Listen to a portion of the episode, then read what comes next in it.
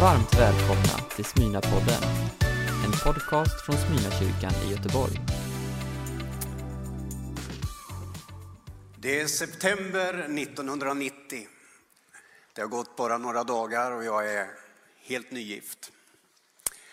I min lägenhet i eh, Linköping, en vindslägenhet, så ska jag visa min händighet med att eh, koppla in en kökslampa. Min elkunskap är ju, ja, men den är ju godkänd. Jag vet att man eh, innan man börjar med något jobb med el överhuvudtaget slår av propparna. Men jag är ju också som jag är och tänker, ja, ja, jag vet, men det måste ju räcka med att stänga av strömbrytaren. Så jag gör det. Ingen ström i trådarna och jag kliver upp på köksbordet i skumrasket där och eh, börjar skruva in de nya kontakterna som ska passa den nya kökslampan. I samma ögonblick så kommer min dyra hustru in. Och hon tittar med kärleksfull blick på mig och säger, men står du här i mörkret och jobbar? Och innan jag hinner säga något så sträcker hon sig mot lampknappen och tänder ljuset. Från köksbordet hör man nu bara ett ah". och jag får mitt livskyss. Men det är inte om min fru. Strömmen går genom hela kroppen och jag tänker, vad härligt att få börja äktenskapets dagar och den spännande vandringen. Kvar står jag med mina frågor och en pirrande känsla i hela kroppen. Vems fel var det här då? Är det mitt fel? Eller är det fruns fel? Eller är det Guds fel som låter mig utstå sådana här prövningar? Dagens tema handlar om att växa i kunskap. Och vi ska ta oss till Genesarets sjö och dess närområde. För norr om Genesarets sjö så finns en bergslutsning och där finns Jesus. Han håller en av de mest välkända predikningarna som har hållits, bergspredikan. Börjar i kapitel 5 och slutar i kapitel 7. Han är utmanande och det är många människor på plats. Det är unga och äldre, det är män och kvinnor, det är ledare och det är vanligt folk. Det är säkert soldater från ockupationsmakten och det religiösa etablissemanget har också människor på plats. Alla finns de där nu. Hundratal, kanske tusentals. Och Jesus talar. Han är otroligt utmanande. Han talar till den som har tappat hoppet. Han talar om en möjlighet att få trots att man inget har. Han talar om girighet och egoism. Han utmanar ett ledarskap som säger en sak men gör något helt annat. Han talar om att vi kan få leva ett liv där frukten blir bestående. Men där människan måste välja vilken herre man ska tjäna. För det går inte att tjäna två. Han talar om mammon och han talar om Gud. Det vibrerar. En del är så de kan slita sitt hår. De är upprörda och provocerade medan andra sitter och andäktigt låter sig beröras. När han har talat en lång stund så går han in för landning. Och det är nu vi läser texten. Vi läser ifrån Matteus evangeliet, det sjunde kapitlet och ifrån vers 24. Den som hör dessa mina ord och handlar efter dem är som en klok man som byggde ett hus på berggrund. Regnet öste ner, floden kom, Vindarna blåste och kastade sig mot huset, men det rasade inte eftersom det var byggt på berggrund. Och den som hör dessa mina ord men inte handlar efter dem är som en dåre som byggde sitt hus på sand. Regnet öste ner, floden kom, vindarna blåste och störtade sig mot hans hus. Och det rasade och raset blev stort. När Jesus hade avslutat detta tal var folket överväldigat av hans undervisning. För han undervisade med makt och inte som deras skriftlärda. Den som hör mina ord, säger Jesus när han ska landa in sin predikan. Den som hör mina ord, i de fraserna och de orden så ligger också en inbyggd fråga. Man kan ju som du vet lyssna utan att höra och höra utan att lyssna. Det är kanske ett manligt drag. Att finnas på plats och höra någon prata men det liksom landar aldrig. Man hör men man lyssnar inte för man är någon annanstans. Man kan också höra utan att förstå. Och då har det ju ingen effekt heller. Vi talar om att växa i kunskap. Och för att kunna växa i kunskap så säger lärare och de som är duktiga pedagoger att det viktigaste för att ett lärande ska bli en god process, det är att det finns en motivation. Att det finns en god inställning från början och att det någonstans landar i någon form av lustfylld resa. Det är nästan omöjligt att lära någon som inte är motiverad och som inte vill lära sig. Även om man kan trycka in lite kunskap så är det nästan helt ogjort. Det är därför Jesus säger, efter att ha talat en lång stund och hållit en otroligt bra predikan, den som hör. Det är något avgörande med vilken inställning du och jag har när vi närmar oss Jesu förkunnelse. Det är helt avgörande med vad du och jag har för attityd. Och någonstans så inbjuds du och jag att ta del av en undervisning och en kunskap som är helt fantastisk. Och den kan bli otroligt utmanande och helt livsförvandlande. Det är en kunskap som Gud förmedlar och som du och jag kan få ta del av, som ingen människa kan roffa åt sig, men som kan bli en gåva som landar i ett vanligt mänskligt hjärta och förvandlar på djupet. Och som stimulerar en utveckling som ingen kunnat ana.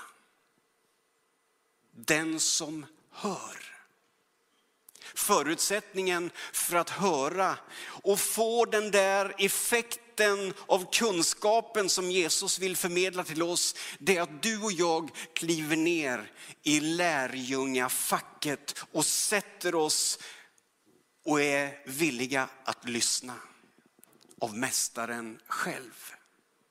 Det är en himmelsvid skillnad att komma inför Gud med attityden att det är jag som har något att lära honom.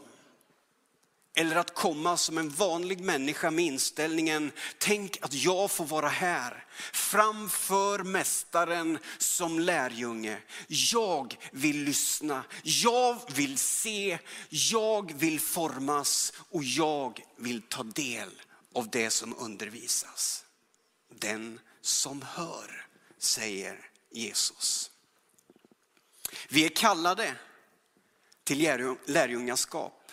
Det bottnar inte i ett känslomässigt rus i första hand, det är ett viljemässigt beslut som du och jag måste ta. Jag vill lyssna, jag vill försöka förstå, jag vill lära mig. Därför sätter jag mig vid mästarens fötter och jag ber, tala Herre, in i mitt liv. Där händer någonting. För när du och jag hör så är ju tanken att vi också ska förstå. Men hur ska man förstå det som Gud säger? Hur ska man förstå Jesu undervisning och det som Bibeln har att förmedla? Det är ju inte alltid så lätt. Men om viljan att lära finns där, om du och jag har intagit lärjungapositionen och ställt in oss på att jag vill verkligen få tag på detta som förmedlas, då finns det hjälp att få. För Gud har sån omsorg om dig och mig att han har engagerat himmelens alla krafter för att du och jag ska få tag på denna gudomliga kunskap som ingen människa kan komma åt om inte Gud förmedlar den genom anden.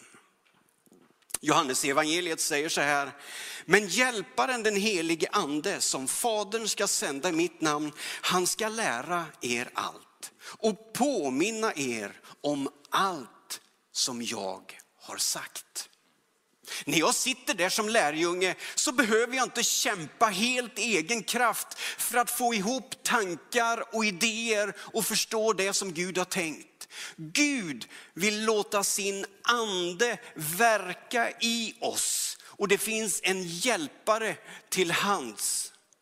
Och för mig som hade det lite halvtrögt i skolan med jämna mellanrum så är ju detta en lovsång. Tänk att det finns en personlig stödperson vid mitt lärjungaskap som talar in med kännedom hur jag fungerar och förtydligar och förklarar och påminner om det som Jesus har sagt. När jag utsätter mig för detta. I första Korinthierbrevet 2 så står det så här. Vi förkunnar det som står i skriften vad ingen öga har sett och inget öra har hört och ingen människa har anat. Det som Gud har berett åt dem som älskar honom. Och för oss har Gud uppenbarat det genom anden. Ty det är anden som utforskar allt, också djupen hos Gud. Det finns en andlig verklighet. Det finns en gudomlig kunskap som är nåbar för varje människa och som anden kan uppenbara genom Guds ord. En kunskap som ger svar på frågan varför du och jag finns här. Hur vårt ursprung ser ut och vad tanken och meningen med livet är. Det som är existentiella frågor, men också det som är helt avgörande för att du och jag ska kunna ta vettiga, förståndiga beslut i vårt vardagsliv. Det berör hela livet. En andlig verklighet som blir en grund för allt annat lärande. För Gud är för lärande. Gud är inte emot vetenskap. Jag tror han älskar att vi ägnar oss åt vetenskap. Att försöka förstå hur saker och ting hänger ihop. Det är något som Gud har lagt ner, en nyfikenhet. Något som driver människan och något som kan vara till den största välsignelse. Så vetenskap och tro behöver inte vara varandras motsatser. Det bör vara två saker som smälter samman. Men grunden för tro och vetenskap, det är denna gudomliga kunskap som bottnar i våra hjärtan och som uppenbaras genom hjälp av anden. Så när jag lyssnar på undervisningen som Jesus förmedlar så får jag hjälp att förstå. Och det som händer när Jesu undervisning och Bibelns undervisning får träffa mitt intellekt och börja bearbeta mig som människa, det är att någonting börjar ske som är väldigt spännande. För Jesu ord är inte vilka ord som helst. Bibelns undervisning är inte vilken undervisning som helst. Den benämner sig själv som att den är levande. Hur ska man förstå det?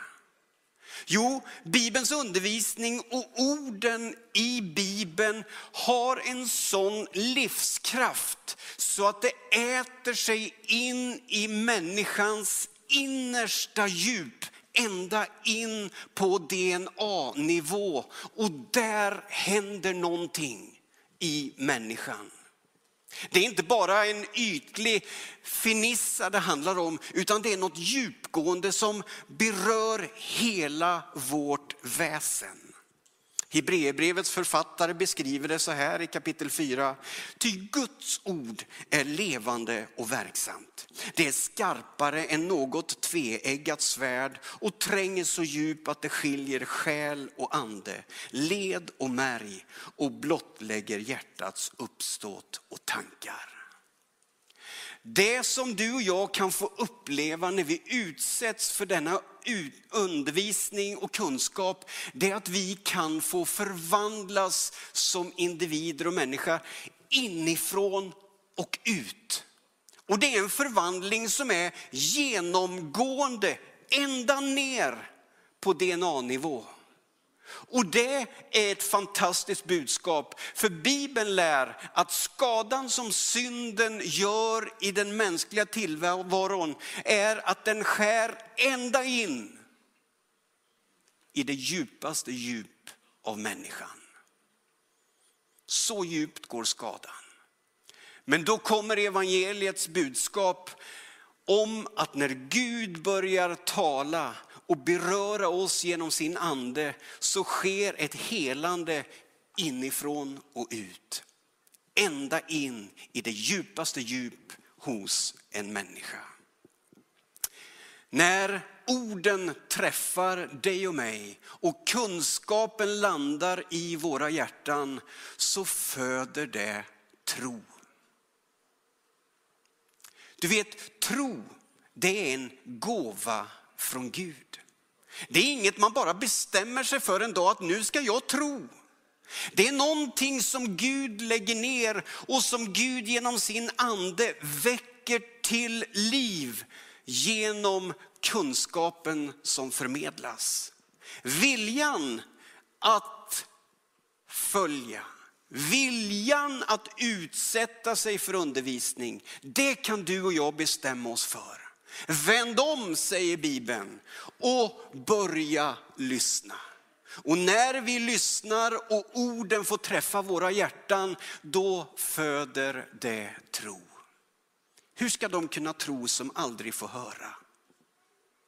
Så bygger ju tron på förkunnelsen och förkunnelsen på Kristi ord.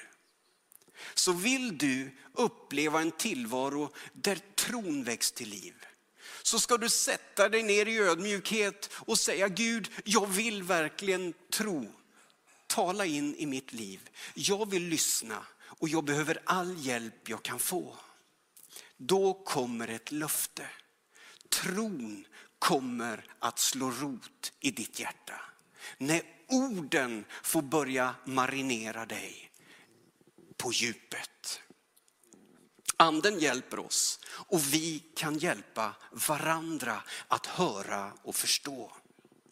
Det är inte så att det bästa lärandet är att låsa in sig på ett rum och aldrig träffa någon annan. Det bästa lärandet är oftast att lyssna också på andras erfarenheter. Att sätta sig och slå upp en bibel och ställa den öppna frågan, vad betyder det här? Kan vi tillsammans få tag på det som är den djupaste meningen? Den som inspirerar, vägleder och hjälper oss. Det är därför man bör tillhöra en församling. Det är därför det är så fantastiskt att vara del av en smågrupp som möts i hemmen. För där kan alla komma till tals och alla frågor kan ställas. Och man kan läsa om och om texten som nyss vi talade om. Och så hjälper vi varandra. Vi delar vittnesbördet och vi växer i förståelse och kunskap med andens hjälp i en mänsklig gemenskap. Och vi förändras, förvandlas och formas. du som hör mina ord och handlar efter dem, säger Jesus. Det är intressant. Vi tänker ofta att kunskap är någonting som jag kan få poäng för och som jag sen kan använda ett papper för att vifta. Att så här pass kunnig är jag. Men det är inte den typen av kunskap som Jesus talar om idag. Han talar om en kunskap som inte ska kapslas in, som inte ska låsas in, utan som måste också kopplas till ett agerande. Dessa som hör mina ord och handlar efter dem. Kunskapen får liv när det omsätts i praktik. För kunskap som tas ut i handling kantas av erfarenhet. Och erfarenhet kantas oftast av tillit. För när jag har prövat och gjort själv så har jag lärt mig någonting. Och det är det som är så fantastiskt i Guds rike, att du och jag, vi kan få pröva om saker och ting håller. När jag läser, när jag förstår, så vill jag också följa i min mästares fotspår. Kom och följ mig, sa Jesus. Lyssna vad jag har att säga och gör som jag gjorde. Gå ut i hela världen och gör alla folk till lärjungar. Fyll dem med kunskapen, lär dem det som jag har sagt och hjälp dem sen att komma igång i praktik. Annars är det inget värt. Annars blir det bara ett religiöst beteende och det är inte världsförvandlande och det är inte individförvandlande. Men när du och jag tar del av det som Gud har att ge, förstår och är villiga att omsätta det i handling, då sker det någonting. Det bär frukt. Det står faktiskt så att det är då frukten kommer. När du och jag omsätter det som Gud lägger ner i våra hjärtan i praktisk handling och börjar leva ut det som vi har fått som gåva, då kommer det frukt. En frukt som kommer att bestå. Det är glädje, det är kraft, det är frid. Sånt som du och jag som människa behöver. Andra Petrus brev säger så här, sök därför med all iver att till er tro foga styrka, till styrkan kunskap, till kunskapen självbehärskning, till självbehärskningen uthållighet, till uthålligheten gudsfruktan, till gudsfruktan broderlig omtanke och till omtanken kärlek. Ty om allt detta finns hos er och får växa till blir er kunskap om vår Herre Jesus Kristus inte overksam utan bär frukt. Vi behöver få det som är nedlagt i våra hjärtan ut i våra händer. Man kan inte bara säga att man är uppfylld av Guds ande och kärlek utan att också visade. Det ger frukt. Den som hör mina ord och handlar efter dem är som en klok man eller kvinna. Det är inte så där vansinnigt ofta man känner sig klok. Men det är ju ändå ett löfte från Gud själv om du lyssnar på det jag säger, om du låter dig formas och dessutom gör som jag har sagt, då benämner jag dig som klok. Ja, men det är inte så dumt att vakna en morgon med den känslan. Jag är en klok man, ja. Den kan man ju använda. Men sen tänker jag som så här, en klok man. Hur många gånger har jag inte försökt och misslyckats. Men det står ju inte att det här är kantat med att du måste lyckas med det du tar dig för. Utan det står ju faktiskt när du har lärt dig någonting så behöver du handla därefter. Och då ska du aldrig glömma att du har en lärjunges position. Och en lärjunge har alltid rätten att misslyckas. För genom misslyckandet så kan man också lära sig någonting. Eller hur? Jag har då aldrig mött en student som aldrig gör fel. Men mästaren, han är tålmodig och god. Och det viktiga är att du och jag inte ger upp. Till slut vill jag bara berätta en sak. Några av er har hört berättelsen förut. Min pappa och jag skulle byta motor på min fantastiska bil, en vit Fiat Uno. En riktig brudmagnet. En tragisk bil egentligen. Den var så liten så du nådde alla dörrar inifrån förarsätet. Tragiskt. Motorn hade gått sönder och vi skulle byta den pappa och jag. Han säger det gör vi i garaget hemma. Och jag säger vad bra. Så vi köper en ny motor och vi byter motorn. Sanningen är att pappa byter motorn. Men när grenröret ska skruvas dit och det är nästan färdigt så säger han, kan inte du hjälpa mig nu när motorn är på plats? Så kan vi säga att vi har bytt motor tillsammans. Bra idé pappa, bra idé. Tack för förtroendet. Jag kryper under med bulten och börjar skruva i. Och så säger pappa, använd hylsnyckeln.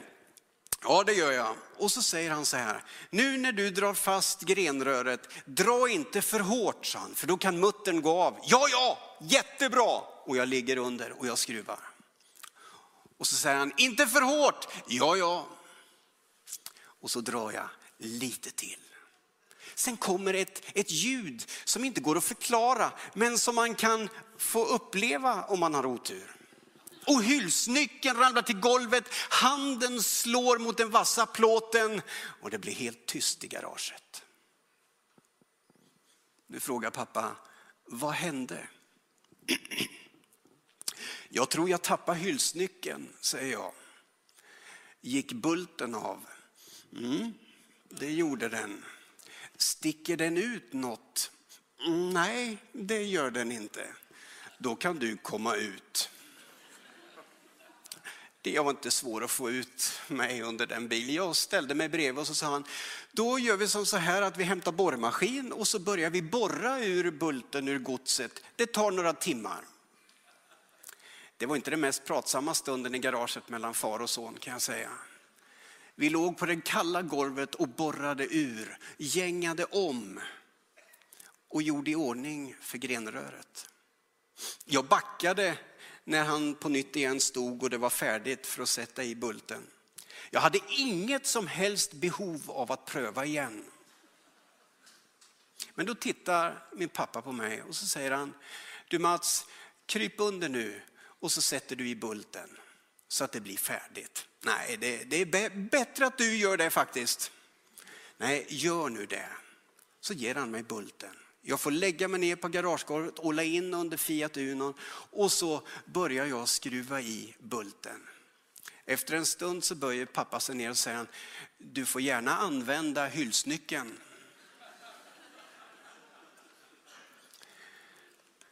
Och så började jag skruva och dra åt den där bulten. Jag drog lagom hårt den här gången. Och när jag gick ut så ställde jag mig upp och då står min pappa och så säger han, kom hit grabben. Och så kramar han om mig och säger, tänk att du och jag har bytt motor. Inte så dåligt va?